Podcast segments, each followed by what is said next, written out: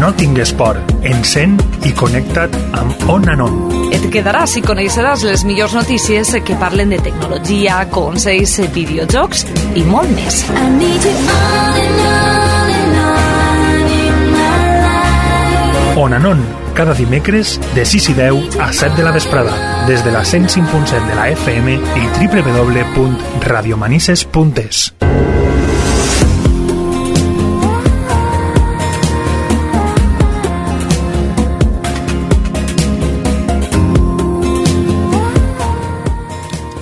Molt bona vesprada i benvinguts. Avui dimecres 20 de febrer de 2013 és moment de començar el programa número 85 de l'Ona Non. Ja saps que des de Ona Non te volem apropar totes les notícies i els consells de la tecnologia des de les zones de la ràdio municipal de Manises. Avui, com sempre, tenim a l'estudi a Carles i a Judit. Molt bona vesprada. Hola, què tal? Hola, bona vesprada.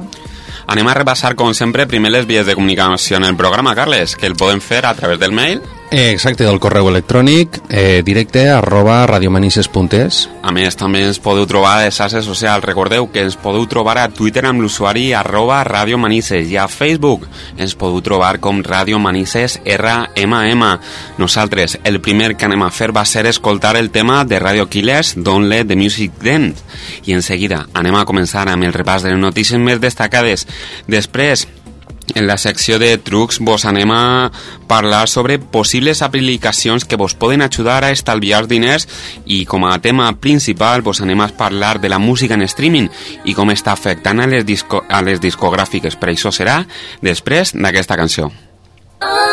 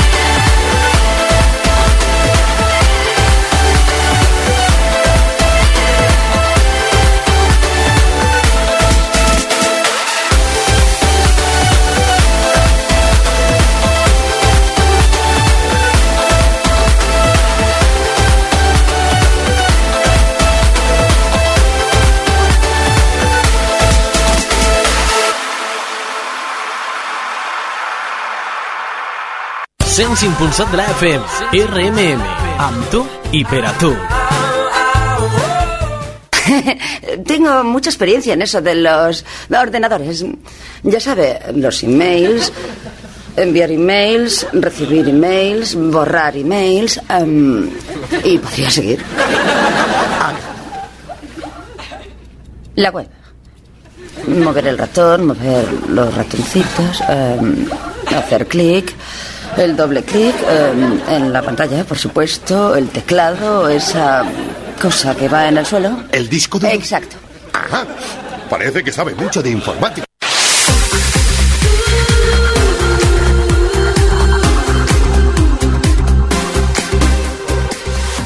Vosaltres també sabeu el mateix d'informàtica on va el disc dur?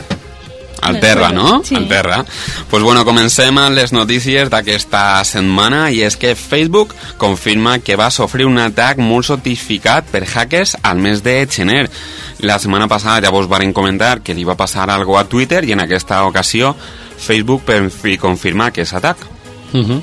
Exacte, també van ocórrer atacs als periòdics nord-americans de New York Times, The Washington Post i The Wall Street Journal i aquests s'han atribuït a organitzacions xineses.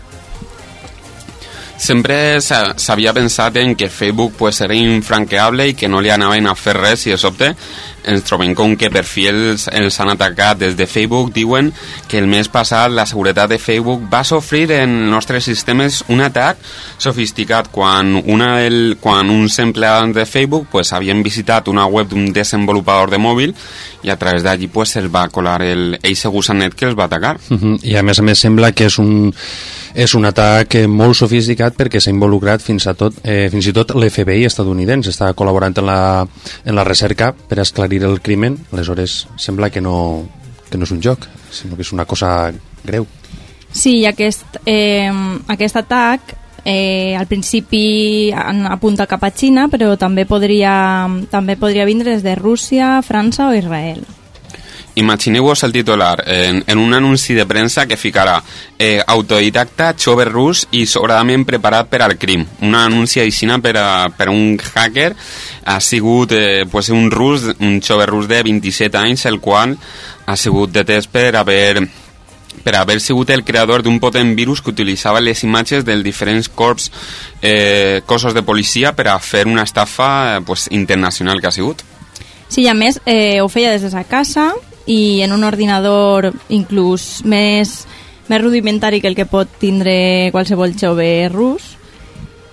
I, bueno, Carles... Sí, sí, això és. Eh, la veritat és que l'altre dia també va, va sortir per la, per la televisió que una, una, una notícia molt semblant i és que la majoria de, de, de hackers, diguem-ne hackers perillosos, perquè la setmana passada vàrem parlar de que els hackers podien ser també bons, no? però Sí. diguem-ne la majoria dels, dels hackers informàtics dolents, de cibercriminals, estan principalment en, en Rússia i, i són gent molt ben qualificada i, i sortia un crec que era, si no recorde malament va ser, era, era el, el director o el, el, el director executiu de, de Kaspersky els, Mhm. Sí. els, Sí. els antivirus Kaspersky que deia que això es deu a, a l'educació tan, tan forta i tan tècnica que, que, havien, que havien tingut els joves eh, a lo llarg de la, quan, de la Unió de Repúbliques Socialistes Sí. Soviètiques que tenien una educació física, matemàtica i tecnològica molt forta i aleshores era gent molt qualificada a l'hora de, de, de fer, fer servir ordinadors, eh, en fi, programació i qüestions Sí, perquè tècniques. jo, per exemple, he estudiat en, en bielorussos, per exemple, també, Mm. i eren mm, els millors en matemàtiques. Mm. Eren Sí, sí, sí. dels més cracs i, a Han més, tenien una disciplina molt Sí, bona. sí, sí, això sembla que és una, una herència del, del socialisme, una disciplina molt, molt forta en qüestions matemàtiques, tècniques i, i aquestes coses. Aleshores, pues, clar, això serveix tant per a fer el bé com per a, si se les gira la bola, pues, fa, fer una destrossa com aquestes. El virus tenim que dir que consistia en que sortia una imatge en l'ordinador el qual pues, no te deixava fer res i en aquesta imatge sortia com que havies accedit a pàgines de descàrrega de, de descàrrega de música o vídeo webs eh, que serien de contingut pornogràfic en les quals pues, te dia que l'ordinador estava segrestat entre cometes podríem dir-lo de segrestat i tenies que fer un pagament a un número bancari que te ficava el modo de pagament i eren uns 100 euros i d'aquesta forma pues, se te anava, tu anaves a pagar aquesta multa i anaves a alliberar l'ordinador. La veritat és que és un virus que costa prou de llevar, a, se'n va a colar i costa un poquet de llevar-lo, però, bueno, buscant les tècniques adequades, encara que tingués el- l'antivirus prou actualitzat, eh, se'n ca- se'n fica aquest virus. Per aquest motiu, pues, ha sigut una de les, de les feines que han fet molt bé des del grup de la policia de- d'ací Espanya. La, el van encaçar aquest jove que estava a Dubai de, de vacances i és que és, era un virus molt complicat perquè en dos anys havia canviat 48 vegades. Eh, això feia que en quan els antivirus sortia una versió per a poder matar aquest virus, eh, aquest jove de 26 anys pues, bueno, feia una xicoteta modificació per a poder trencar l'antivirus i que se te'n fiqués en l'ordinador per aquest motiu pues, ha costat tant de temps i diuen que només en Espanya pot haver agafat un milió de- d'euros. de, en, en el virus. Sí, per això tornem a recomanar a tots els nostres oients que mai facin transferències eh, sospitoses d'aquest tipus per internet, que mai se, que mai es paguen eh, per molt correu electrònic que rebes de, jo, jo que sé, de Bankia que te diu que has d'introduir el teu compte, res d'això. Això és molt probable que siga una estafa. Sí, ni de, ni de bancs, ni de la policia, ni de ningú. Però vosaltres imagineu-vos un moment en la pantalla que se t'enqueda tota la pantalla que no pots fer res i te diuen si pagues 100 euros se te, se te desbloqueja l'ordinador. Jo no I te veus ahí la imatge que fica Policia Nacional dalt, te fica el botonet baix de, del Ministeri de l'Interior, de Seguretat... Jo i- no, jo no caic. Jo, si a algú dels nostres oients li passa això, jo agafe l'ordinador i me'n vaig a la comissaria de Policia Nacional i dic, mira el que m'ha passat. Això, Exacte. això és el que a, s'ha de fer. A veure, ja sabem com funcionen les coses així i també per, as, per això ho estem avisant, que no se fan així. Vull dir, tu, si vius en un lloc que no coneixes com funciona allí el sistema de la policia de tal, pots dir, ostres, vaig a Mm. fer-ho, però així no. No- Normalment, normalment si, has com, si has comès alguna infracció i t'han multat o has de pagar alguna multa i aquestes coses, pues, a ta casa. eh, van a ta casa i reus, reps un, un, una carta formal de la policia informant-te de la teu, del teu delicte, de, en fi, aquestes coses... De fet, per telèfon tampoc hi ha que donar ningú cap de ningun tipus de, de dades. Res. Inclús si et criden i et diuen tota la teva informació, no hi ha que facilitar ningú codi ni res. Totes, totes les notificacions d'aquest tipus eh, realment importants sempre són, normalment, sempre són per escrit. O sigui, mai són per telèfon, per correu electrònic, normalment no. N'hi ha que dir que la motivació dels cibercriminals és exclusivament econòmica i és que ells saben a través del- d'aquestos fraudes per internet o, o mitjançant estafes semblants a virus pues, poden lograr gran quantitats de diners i és el que està motivant a que es fet al, a que aquests joves russos de forma autodidacta pues, se comencen a fer virus. I és curiós, eh? De forma autodidacta.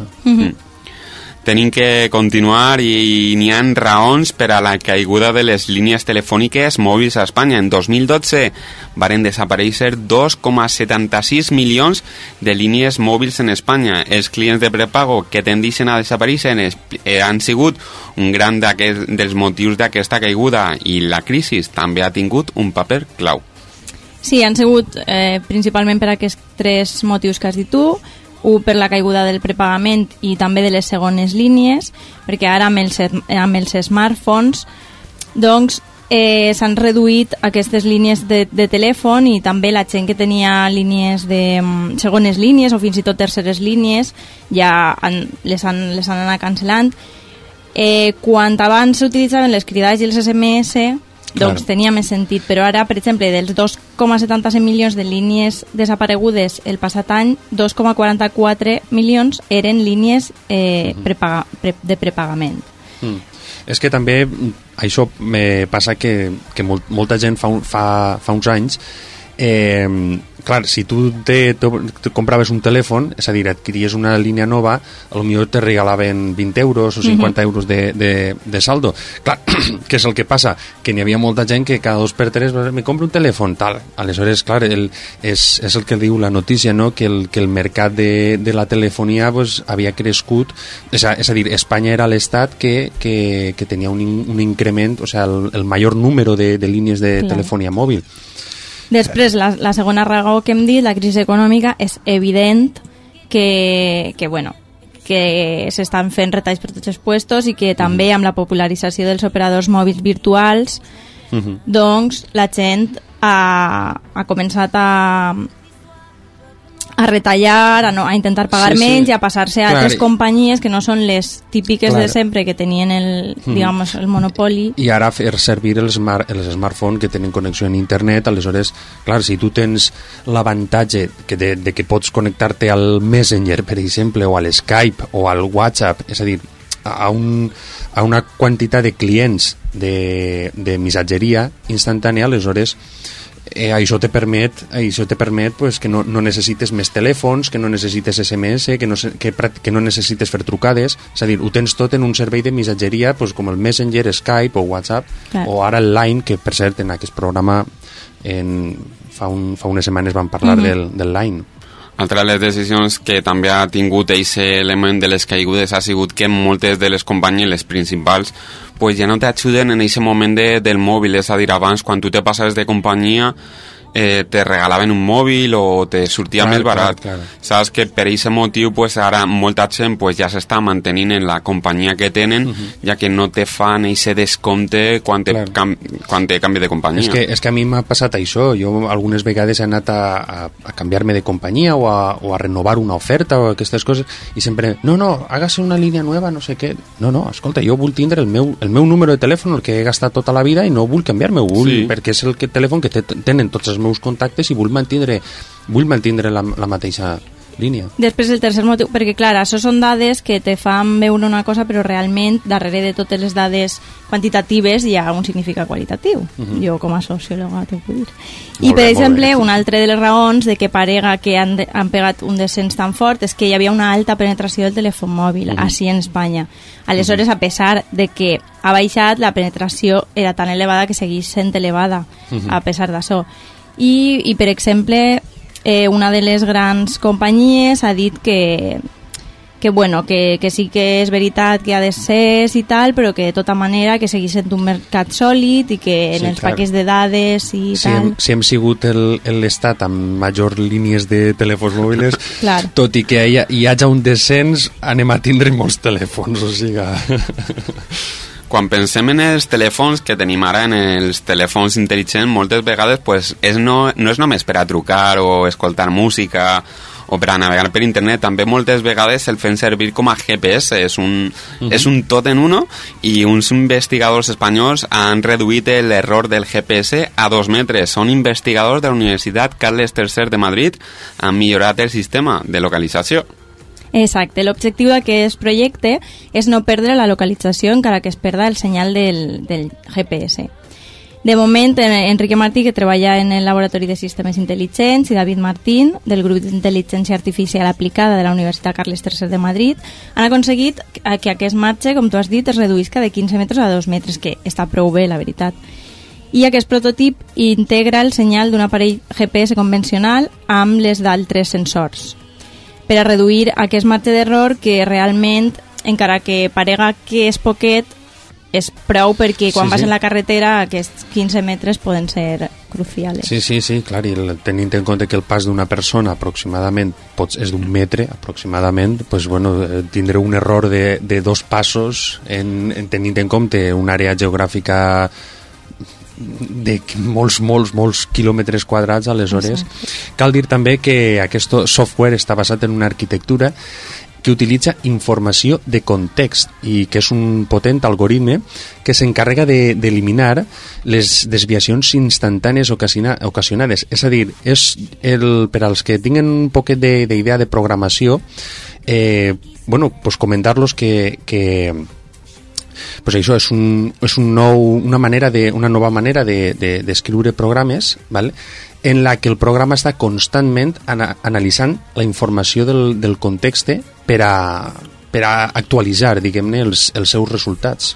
Per això és és prou important perquè n'hi n'hi ha que pensar que aquests 15 metres que estem parlant seria més en camp obert si ens fiquem dins d'una ciutat que sobretot on més vas a fer servir el GPS perquè no te saps el, tots els carrers uh -huh. pensa que els edificis te lleven senyal i inclús un arbre te fa també un poquet d'interferència que te lleva senyal uh -huh. per aquest motiu aquesta baixada de 15 a 2 metres pues, és prou significativa en, Sí, en sí, aquest sí. sentit Totalment. Si pensem, en, per exemple, en companyies sobretot de grans, eh, quan parlem d'ordinadors, pues, ens anem a, podríem pensar en, en HP, la qual pues, està en aquests moments entre Windows i Android. És el primer dispositiu en Android que van a treure, serà una tableta en el xip eh, de d'NVIDIA Tegra 4 i que va sortir al, al mercat molt pronte perquè la veritat és que HP pues, és la companyia que va comprar Palm, la qual pues, pensaven que portaria el sistema huevos, però finalment és, Sabia que anava a haver, anava a haver a veure, el nom en això. web, sí, sí, sí. web Operative System, Sí, sí. el qual pues, va a comprar de la mà de, de Palm i bueno, la veritat és que tenim que dir que HP si porta el sistema operatiu Windows en el PC ara de sobte surt tabletes en Android i també tenen portàtils en Chrome OS HP la veritat és que està fent ahí un poquet de batiburrillo però que de totes formes eh, els està obrint aquest mercat per expandir-se i no quedar-se centrats Sí. només en, en jo, Windows Jo crec que lo, mm, el, lo important de la- de l'assumpte és que cada, pràcticament, diguem-ne que cada, cada companyia o cada empresa està eh, desenvolupant el seu propi sistema operatiu. En aquest HP, el Huevos. Este. Manda huevos. Web Operative System, exacte. I continuem en Microsoft perquè diuen que volen treure una Surface Mini. Encara no arriba massa bé le, la Surface i ja estan pensant en una Mini. A veure, és que no, no estan massa centrats el de Microsoft. Sí, quatre mesos després de, del seu llançament oficial i uns dies després de, del seu llançament a Espanya, Microsoft pensa en el futur de, del seu, de la seva tablet Surface. Encara que, de moment, encara estan immersos en el llançament de la versió Pro, eh, estan pensant ja en, en fer també el, el Surface Mini. perquè s'han trobat en que el dispositiu de les polsades pues, està en aquest mercat amb l'iPad i de sobte s'han trobat que en el mercat de les polsades està el Kindle de I el Nexus 7 de, de Google. Per aquest motiu han dit anem a ficar-nos ahí com l'iPad mini a veure si podem a, agafar un poquet de, de mercat, sobretot perquè Microsoft la veritat és que en el tema de les tablets i dispositius tàctils no ha tingut massa, massa sentit i no ha, i no ha pujat com se pensava que anaven a pujar. Mm, El, el mercat de, de les tablets ha sigut pràcticament, ha estat controlat per, eh, per Mac.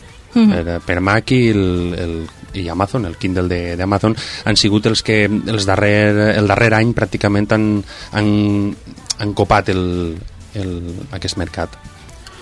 Pues si pensem també moltes vegades en, en Japó, era el referent que tenien sempre com a tecnologia en el moment de, del passat i sempre que volien veure si havia entrat una cosa al fin, eh, nova, pues eh, eh, miraven les notícies i diuen a veure que han tret al Japó, però ara de sobte està canviant i sempre que volen saber si ha sortit algo nou ens anem als Estats Units, a Califòrnia.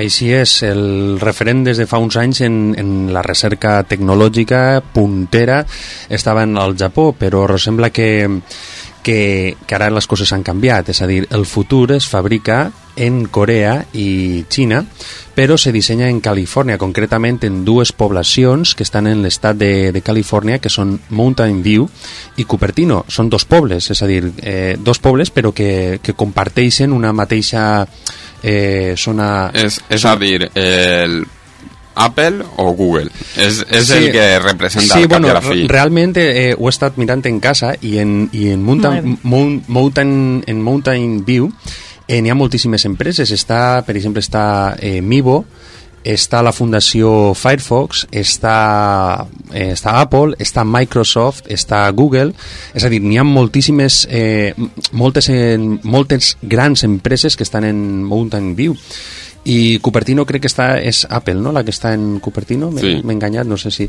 Bueno, en qualsevol cas, és, és, és, com si diguérem, és com si digueren els polígons industrials de Burjasot i Godella, vale? més o menys, eh? a escala valenciana, per dir-ho d'alguna manera. Gràcies, gràcies. eh, pues això.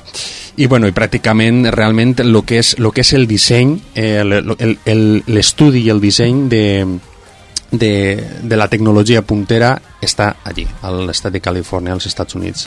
I per a aquests motius, pues, companyies com BlackBerry, per exemple, han decidit ja no, que no van entrar ja al poble japonès perquè sobretot ha sigut un descens de les operadores NTT Docomo, han sigut les principals i només eh, les companyies locals com som Sharp, eh, Samsung o LG són encara les que s'estan mantenint un poquet en lo que és el desenvolupament dels, dels dispositius allí per això, perquè són locals i sí que el, lo que és la població els agrada les coses locals, les coses estrangeres com ser una BlackBerry o un iPhone eh, són més reticents a poder agafar-les. De totes formes, Japó sempre ha sigut un referent en quant a tecnologia.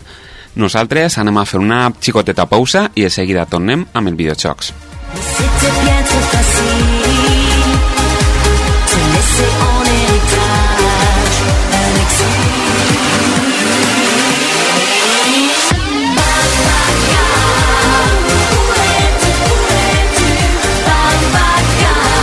Sents impulsat de la FM, la millor varietat musical. Bueno, i la secció de videojocs que jo encara no estic Posada, no? no, no, i sempre espere a que David mos informe i avui crec que té algo important.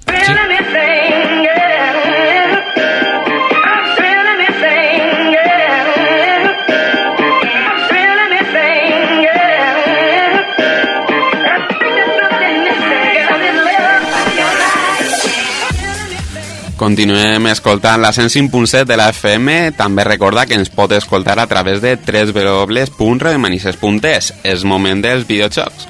Sí, sí, sí.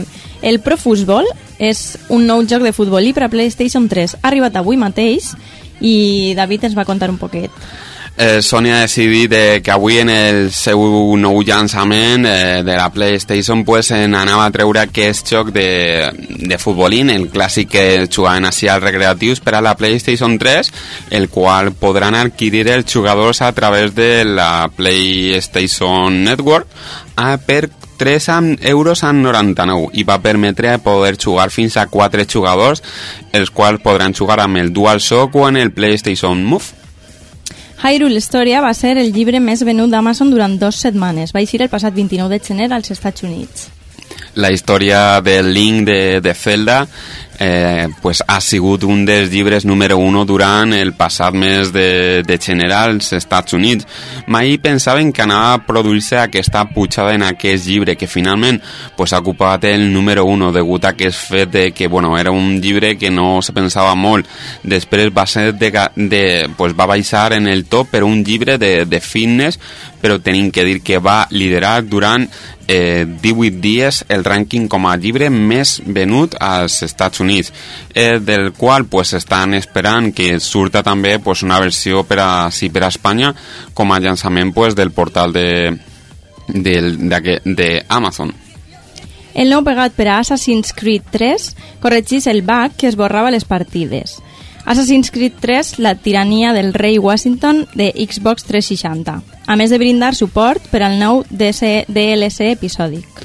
Era un error que varen trobar i que finalment pues, sí que ha sigut corregit perquè eh, quan se jugava a través del mode multijugador eh, a través d'internet pues, produïa que la gent quan volia guardar la, la partida pues, se borrara ja que mentre estava descarregant pues, produïa un xicot de terror que feia que s'emborrés la partida però per sort ja està solucionat I ara, David, per favor, te demano que m'expliques aquesta notícia.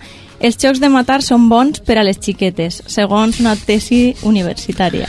És una tesis universitària que es crida Prediction Play, és el que podrien definir com a xocs de recompensa, sobretot per al coratge, per a poder sobreviure qualsevol cos. Un exemple que ens pot vindre al cap és el cas del Tom Raider, i és que ha sigut gràcies a Elena Bertozzi, que és de Long Island, eh, està desenvolupant la tesis universitària sobre els videojocs, com poden afectar, i diuen que la gent que ha jugat a aquest tipus de jocs eh, té un comportament més prosocials que fa que les dones pues, que estiguen menys preparades per afrontar els desafiaments de, de la violència, ja que eh, aquests jocs de, de, escenaris, de, dels escenaris com fan que que pues, ells hem fet de lluitar i anar més endavant, que no siga que te fica unes regles, pues fa que d'aquesta forma pues, que te, te vulguis lluitar per a poder eh, contra els obstacles que te van sortint pel camí i agafar pues, aquest fet de, de superació és el, que, és el que vol intentar un poquet fer la notícia. Nosaltres el que anem a fer una pausa musical. Anem a escoltar el tema de Jason Derulo, Don't Wanna Go Home, i de seguida tornem amb el tema principal que vos hem, present, que vos hem avançat avui sobre la música en streaming i els drets d'autor. Fins ara. Now that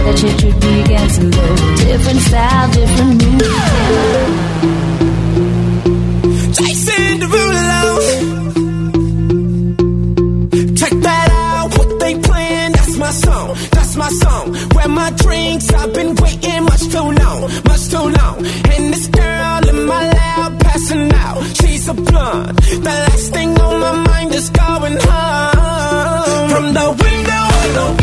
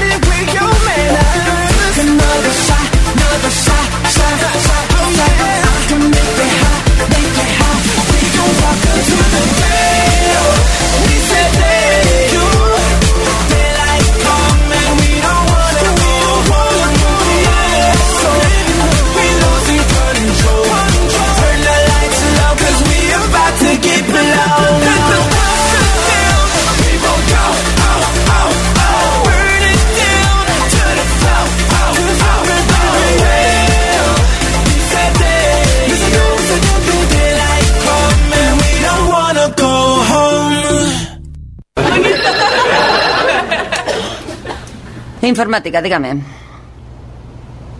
Sí. ¿Ha probado a apagarlo y encenderlo otra vez?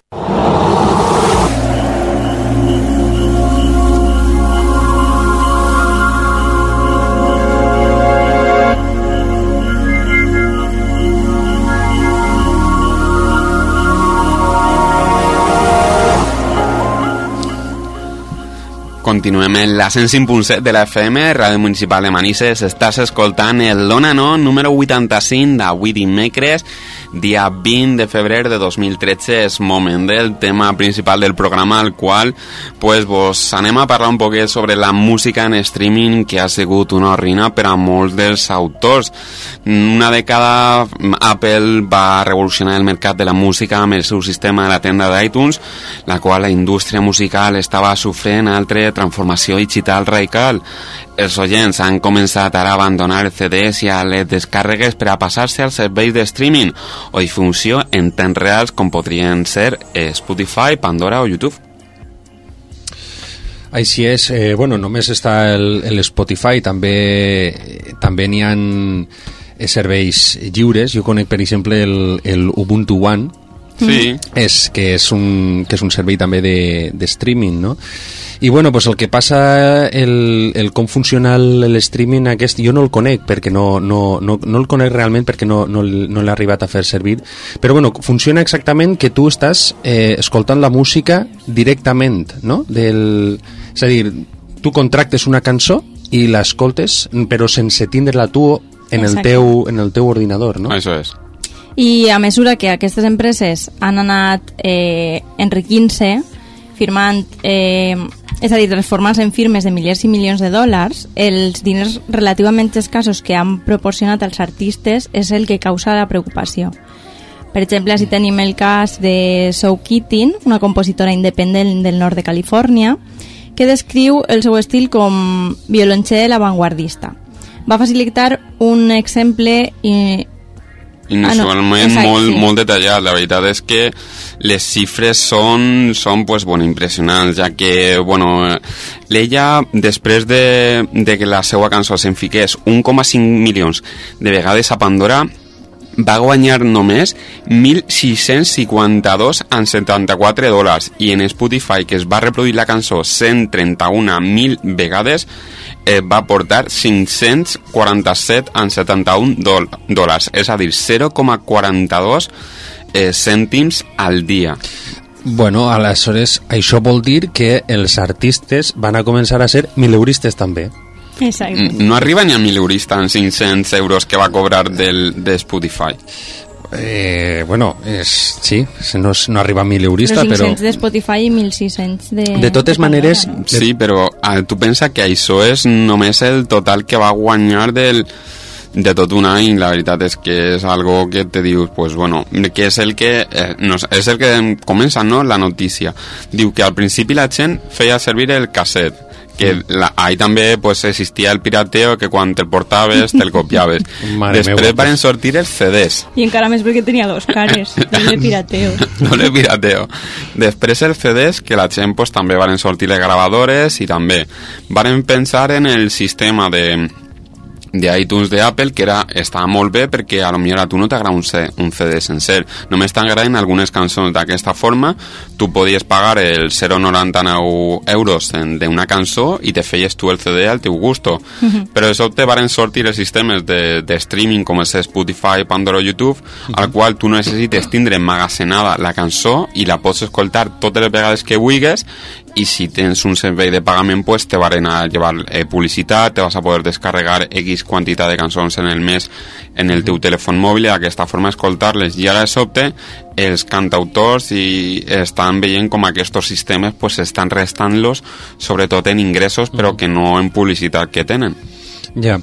Jo, en principi, entenc la seva, la seva preocupació, però sembla que, sembla que les, les coses tornen al seu lloc, no? És a dir, eh, realment, eh, ho estàvem comentant abans, que els artistes, eh, quan produeixen un disc, això d'alguna manera podria ser allò, bueno, realment és un mètode de propaganda, no? És com donar-se a conèixer i realment quan els artistes haurien de guanyar diners, és a dir, és, és, és quan fan un espectacle, és a dir, quan fan un, con, un concert en una sala, en un, en un estadi o en una sala de concerts o en un teatre, aleshores és quan la gent va a veure-los, aquest producte que, que, han, que han difós per la xarxa o mm, per les botigues, i, i aleshores la gent paga per veure un, per veure un concert, no? Aleshores és realment quan l'artista està treballant i, i, i cobra per un servei, no? Que és realment és el que, lo que, fa, lo que fem tots, no? És a dir, cobrem per un, per un servei que estan fent, estem fent, no?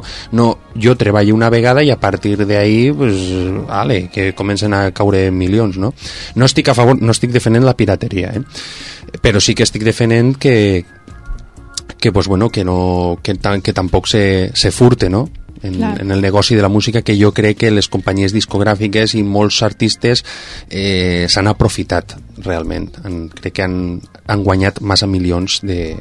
De fet, molts dels artistes, la majoria d'aquests que, que comencen, que no són molt coneguts, també pensen igual que tu, és a dir, ells eh, no els importa regalar-te un CD o que te Mhm. descarregues tot el, tot el disco de- d'internet sempre i quan després vagis a les seues actuacions. Exacte. I, I ahí és on, on ells recuperen el... i això el també anava, eh, d'això també volia parlar. N'hi ha una, crec que ja ho he comentat en alguna ocasió, n'hi ha una pàgina web, eh, Jamendo, sí. eh, que en la que n'hi ha milers, milers d'artistes de tot el món i de tots els estils musicals Mhm. que pengen els seus discos de manera totalment eh, gratuïta en eixa, en eixa servidor, en eixa pàgina web i tu te'ls pots descarregar i a més a més ells te demanen que te descarregues el seu disc, que l'escoltes i que el, el facis comentaris i que el votes i que digues m'agrada, tal, pues este disco és buenísimo. Lo...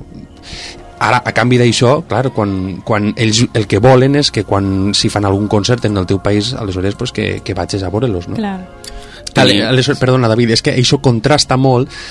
Eh, és a dir, és com deixar d'alguna manera és com deixar d'alguna manera en ridícul els artistes que est- s'estan queixant perquè ja no estan guanyant tants diners, no? És a dir, com és possible que hi hagi uns artistes que estan reclamant uns drets i unes coses quan hi ha otra caterva d'artistes que t'estan dient no, no, descarrega la meva música si és que vull que te descarregues la meva música i que vingues a veure'm els, els nostres concerts, no?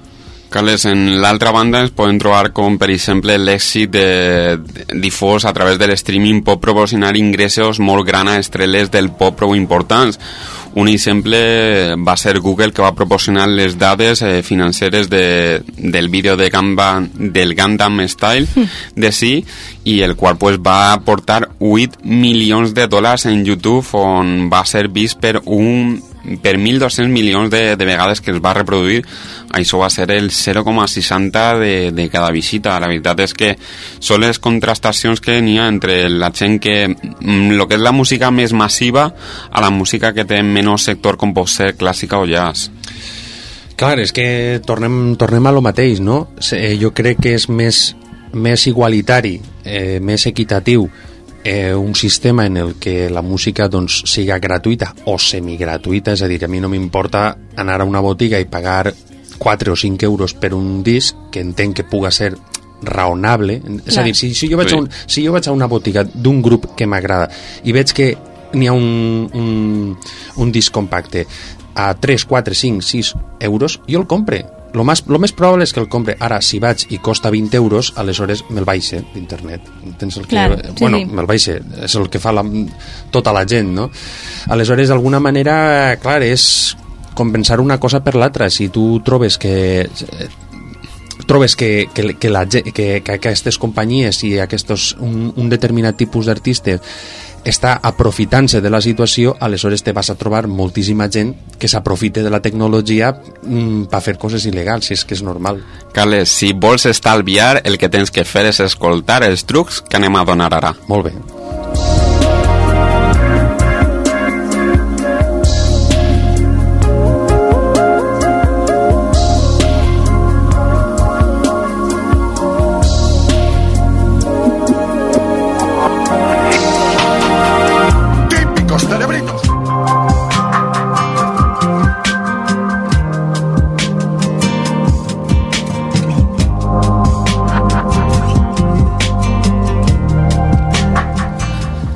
I com havien anunciat al principi del programa, avui tenim aplicacions per a poder estalviar, el, ja que ens poden ajudar en diversos sectors com poden ser el hogar, gasolina i moltes d'elles aplicacions pues, sí, és, també tam, no van a ser miraculoses que te van a ajudar a estalviar però sí que te poden ajudar a tindre un, un xicotet control del, de les coses, de les tasques de casa i que te poden ajudar pues, a poder eh, aranyar un poquet, no?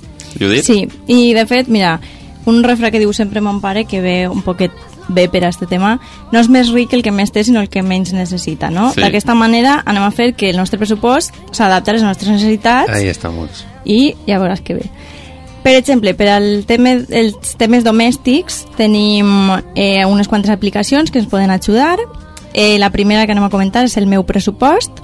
És un programa que permet anotar cada despesa o cada cobrament d'una manera molt simple i l'objectiu és a dependre d'aquestes entrades i eixides periòdiques de diners per així poder assessorar, assessorar l'usuari sobre els seus punts dèbils i la seva estratègia econòmica.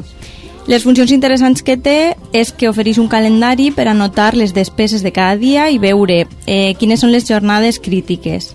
Així també, com també té gràfics de, de períodes determinats, resums, estadístiques i tot això t'ho pots descarregar. És una ferramenta molt útil per als autònoms, per exemple, i està disponible per a Android i costa un, 90, un 99, que està molt bé. Després, més o menys eh, de, la, de les mateixes característiques, tenim Money, que és per als dispositius d'Apple, és a dir, per a iPhone i per a iPad, i l'avantatge és que si, eh, sincronitza tots els aparells de, de, del mateix usuari. D'aquesta manera, si tens l'aplica- l'aplicació instal·lada en la tablet i en l'ordinador, també pots ut- utilitzar-la en el telèfon mòbil i vaig controlant-ho tot. Aquesta té un cost de 4,49, però també està molt bé. I després, per a, per a Android i per a iOS, de les mateixes característiques, tenim, tenim també Pocket Money, que té un preu eh, molt similar a la, de, a la Money de, de Apple i que estan molt bé les tres. Entre les coses també és per a poder comprar als peus. Eh, exacte, comparar els preus. En aquest cas tenim, per exemple, una aplicació que li diuen Super Trooper, que és una aplicació 100% eh, espanyola i que està a bastant gran notorietat entre en, en qui volen saber a peu de tenda si hi ha algun competidor que els oferís un millor preu d'aquest eh, producte. Per això utilitza una cambra, una cambra mòbil per llegir el codi de barres del producte i enviar la senyal al núvol i cercar en ella eh, dades de- d'altres venedors. El resultat s'envia a la pantalla del terminal per a enriquir la, la decisió de la compra. Eh, està, està disponible per a Android i per a iOS. Eh, també tenim, per exemple, el Kayak, que és un programa que resulta molt útil per a comparar, comparar preus de vols i hotels en, en tan sols uns pocs eh, tocs de, de pantalla. Eh, el Kayak està present en la, en la botiga de, de Google i d'Android, però també el pots trobar a iPhone i a Kindle Fire.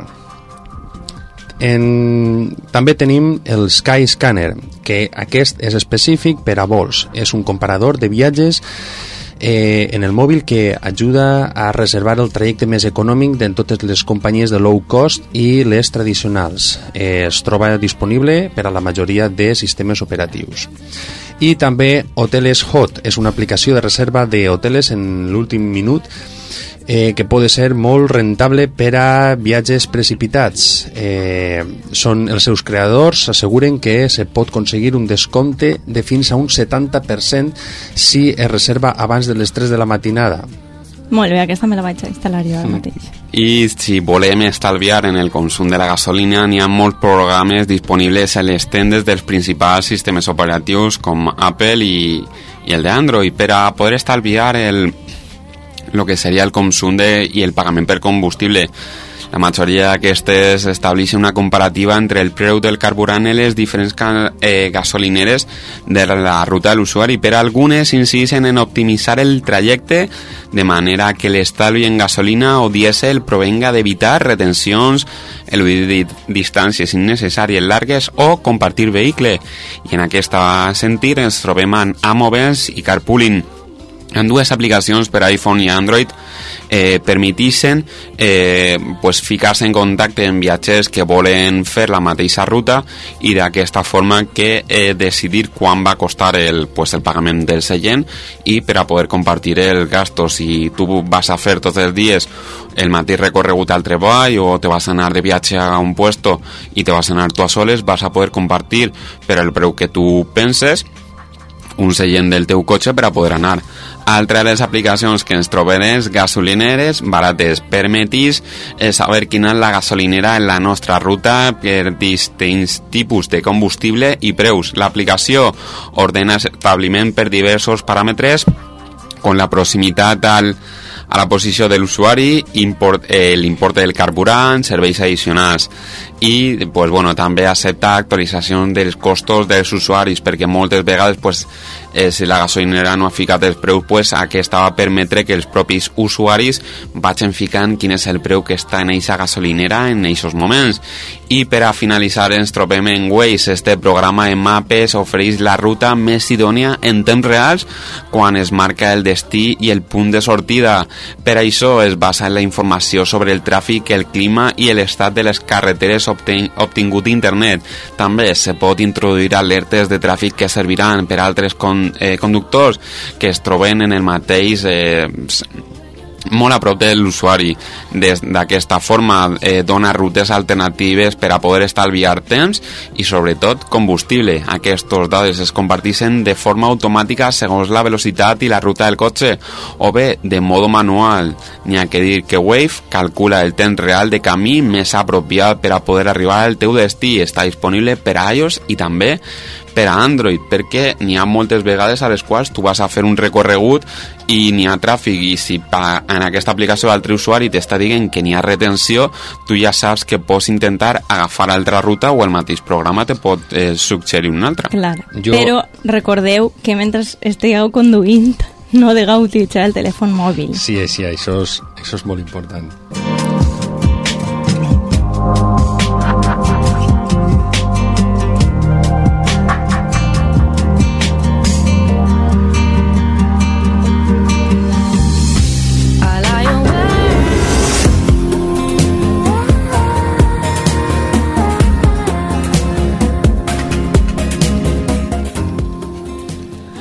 Hem arribat a la fi del programa d'avui dimecres 20 de febrer de 2013 on anon ja amb un número 85 ens estem apropat ja quasi al 100 Exacte, sí, sí, un número ja considerable han, hem fet aquest repàs de les notícies, ja sabut que avui ha sigut l'estreno de PlayStation, a més eh, vos hem recordat pues, que, ah, bueno, que en, encara que els temps estan canviant poquet a poquet i la tecnologia ajuda, però en altres sectors, com és el cas de la música, no està ajudant res als autors i les formes de poder estalviar gràcies a aquestes aplicacions en diferents sectors a nosaltres vos tenim que dir adeu i que ja la setmana que ve tornarem després de l'abans de les notícies. Donem les gràcies a Mònica Bello que l'han tingut al control tècnic. Fins la setmana que ve. Adeu, fins Vinga, la setmana que adeu. ve.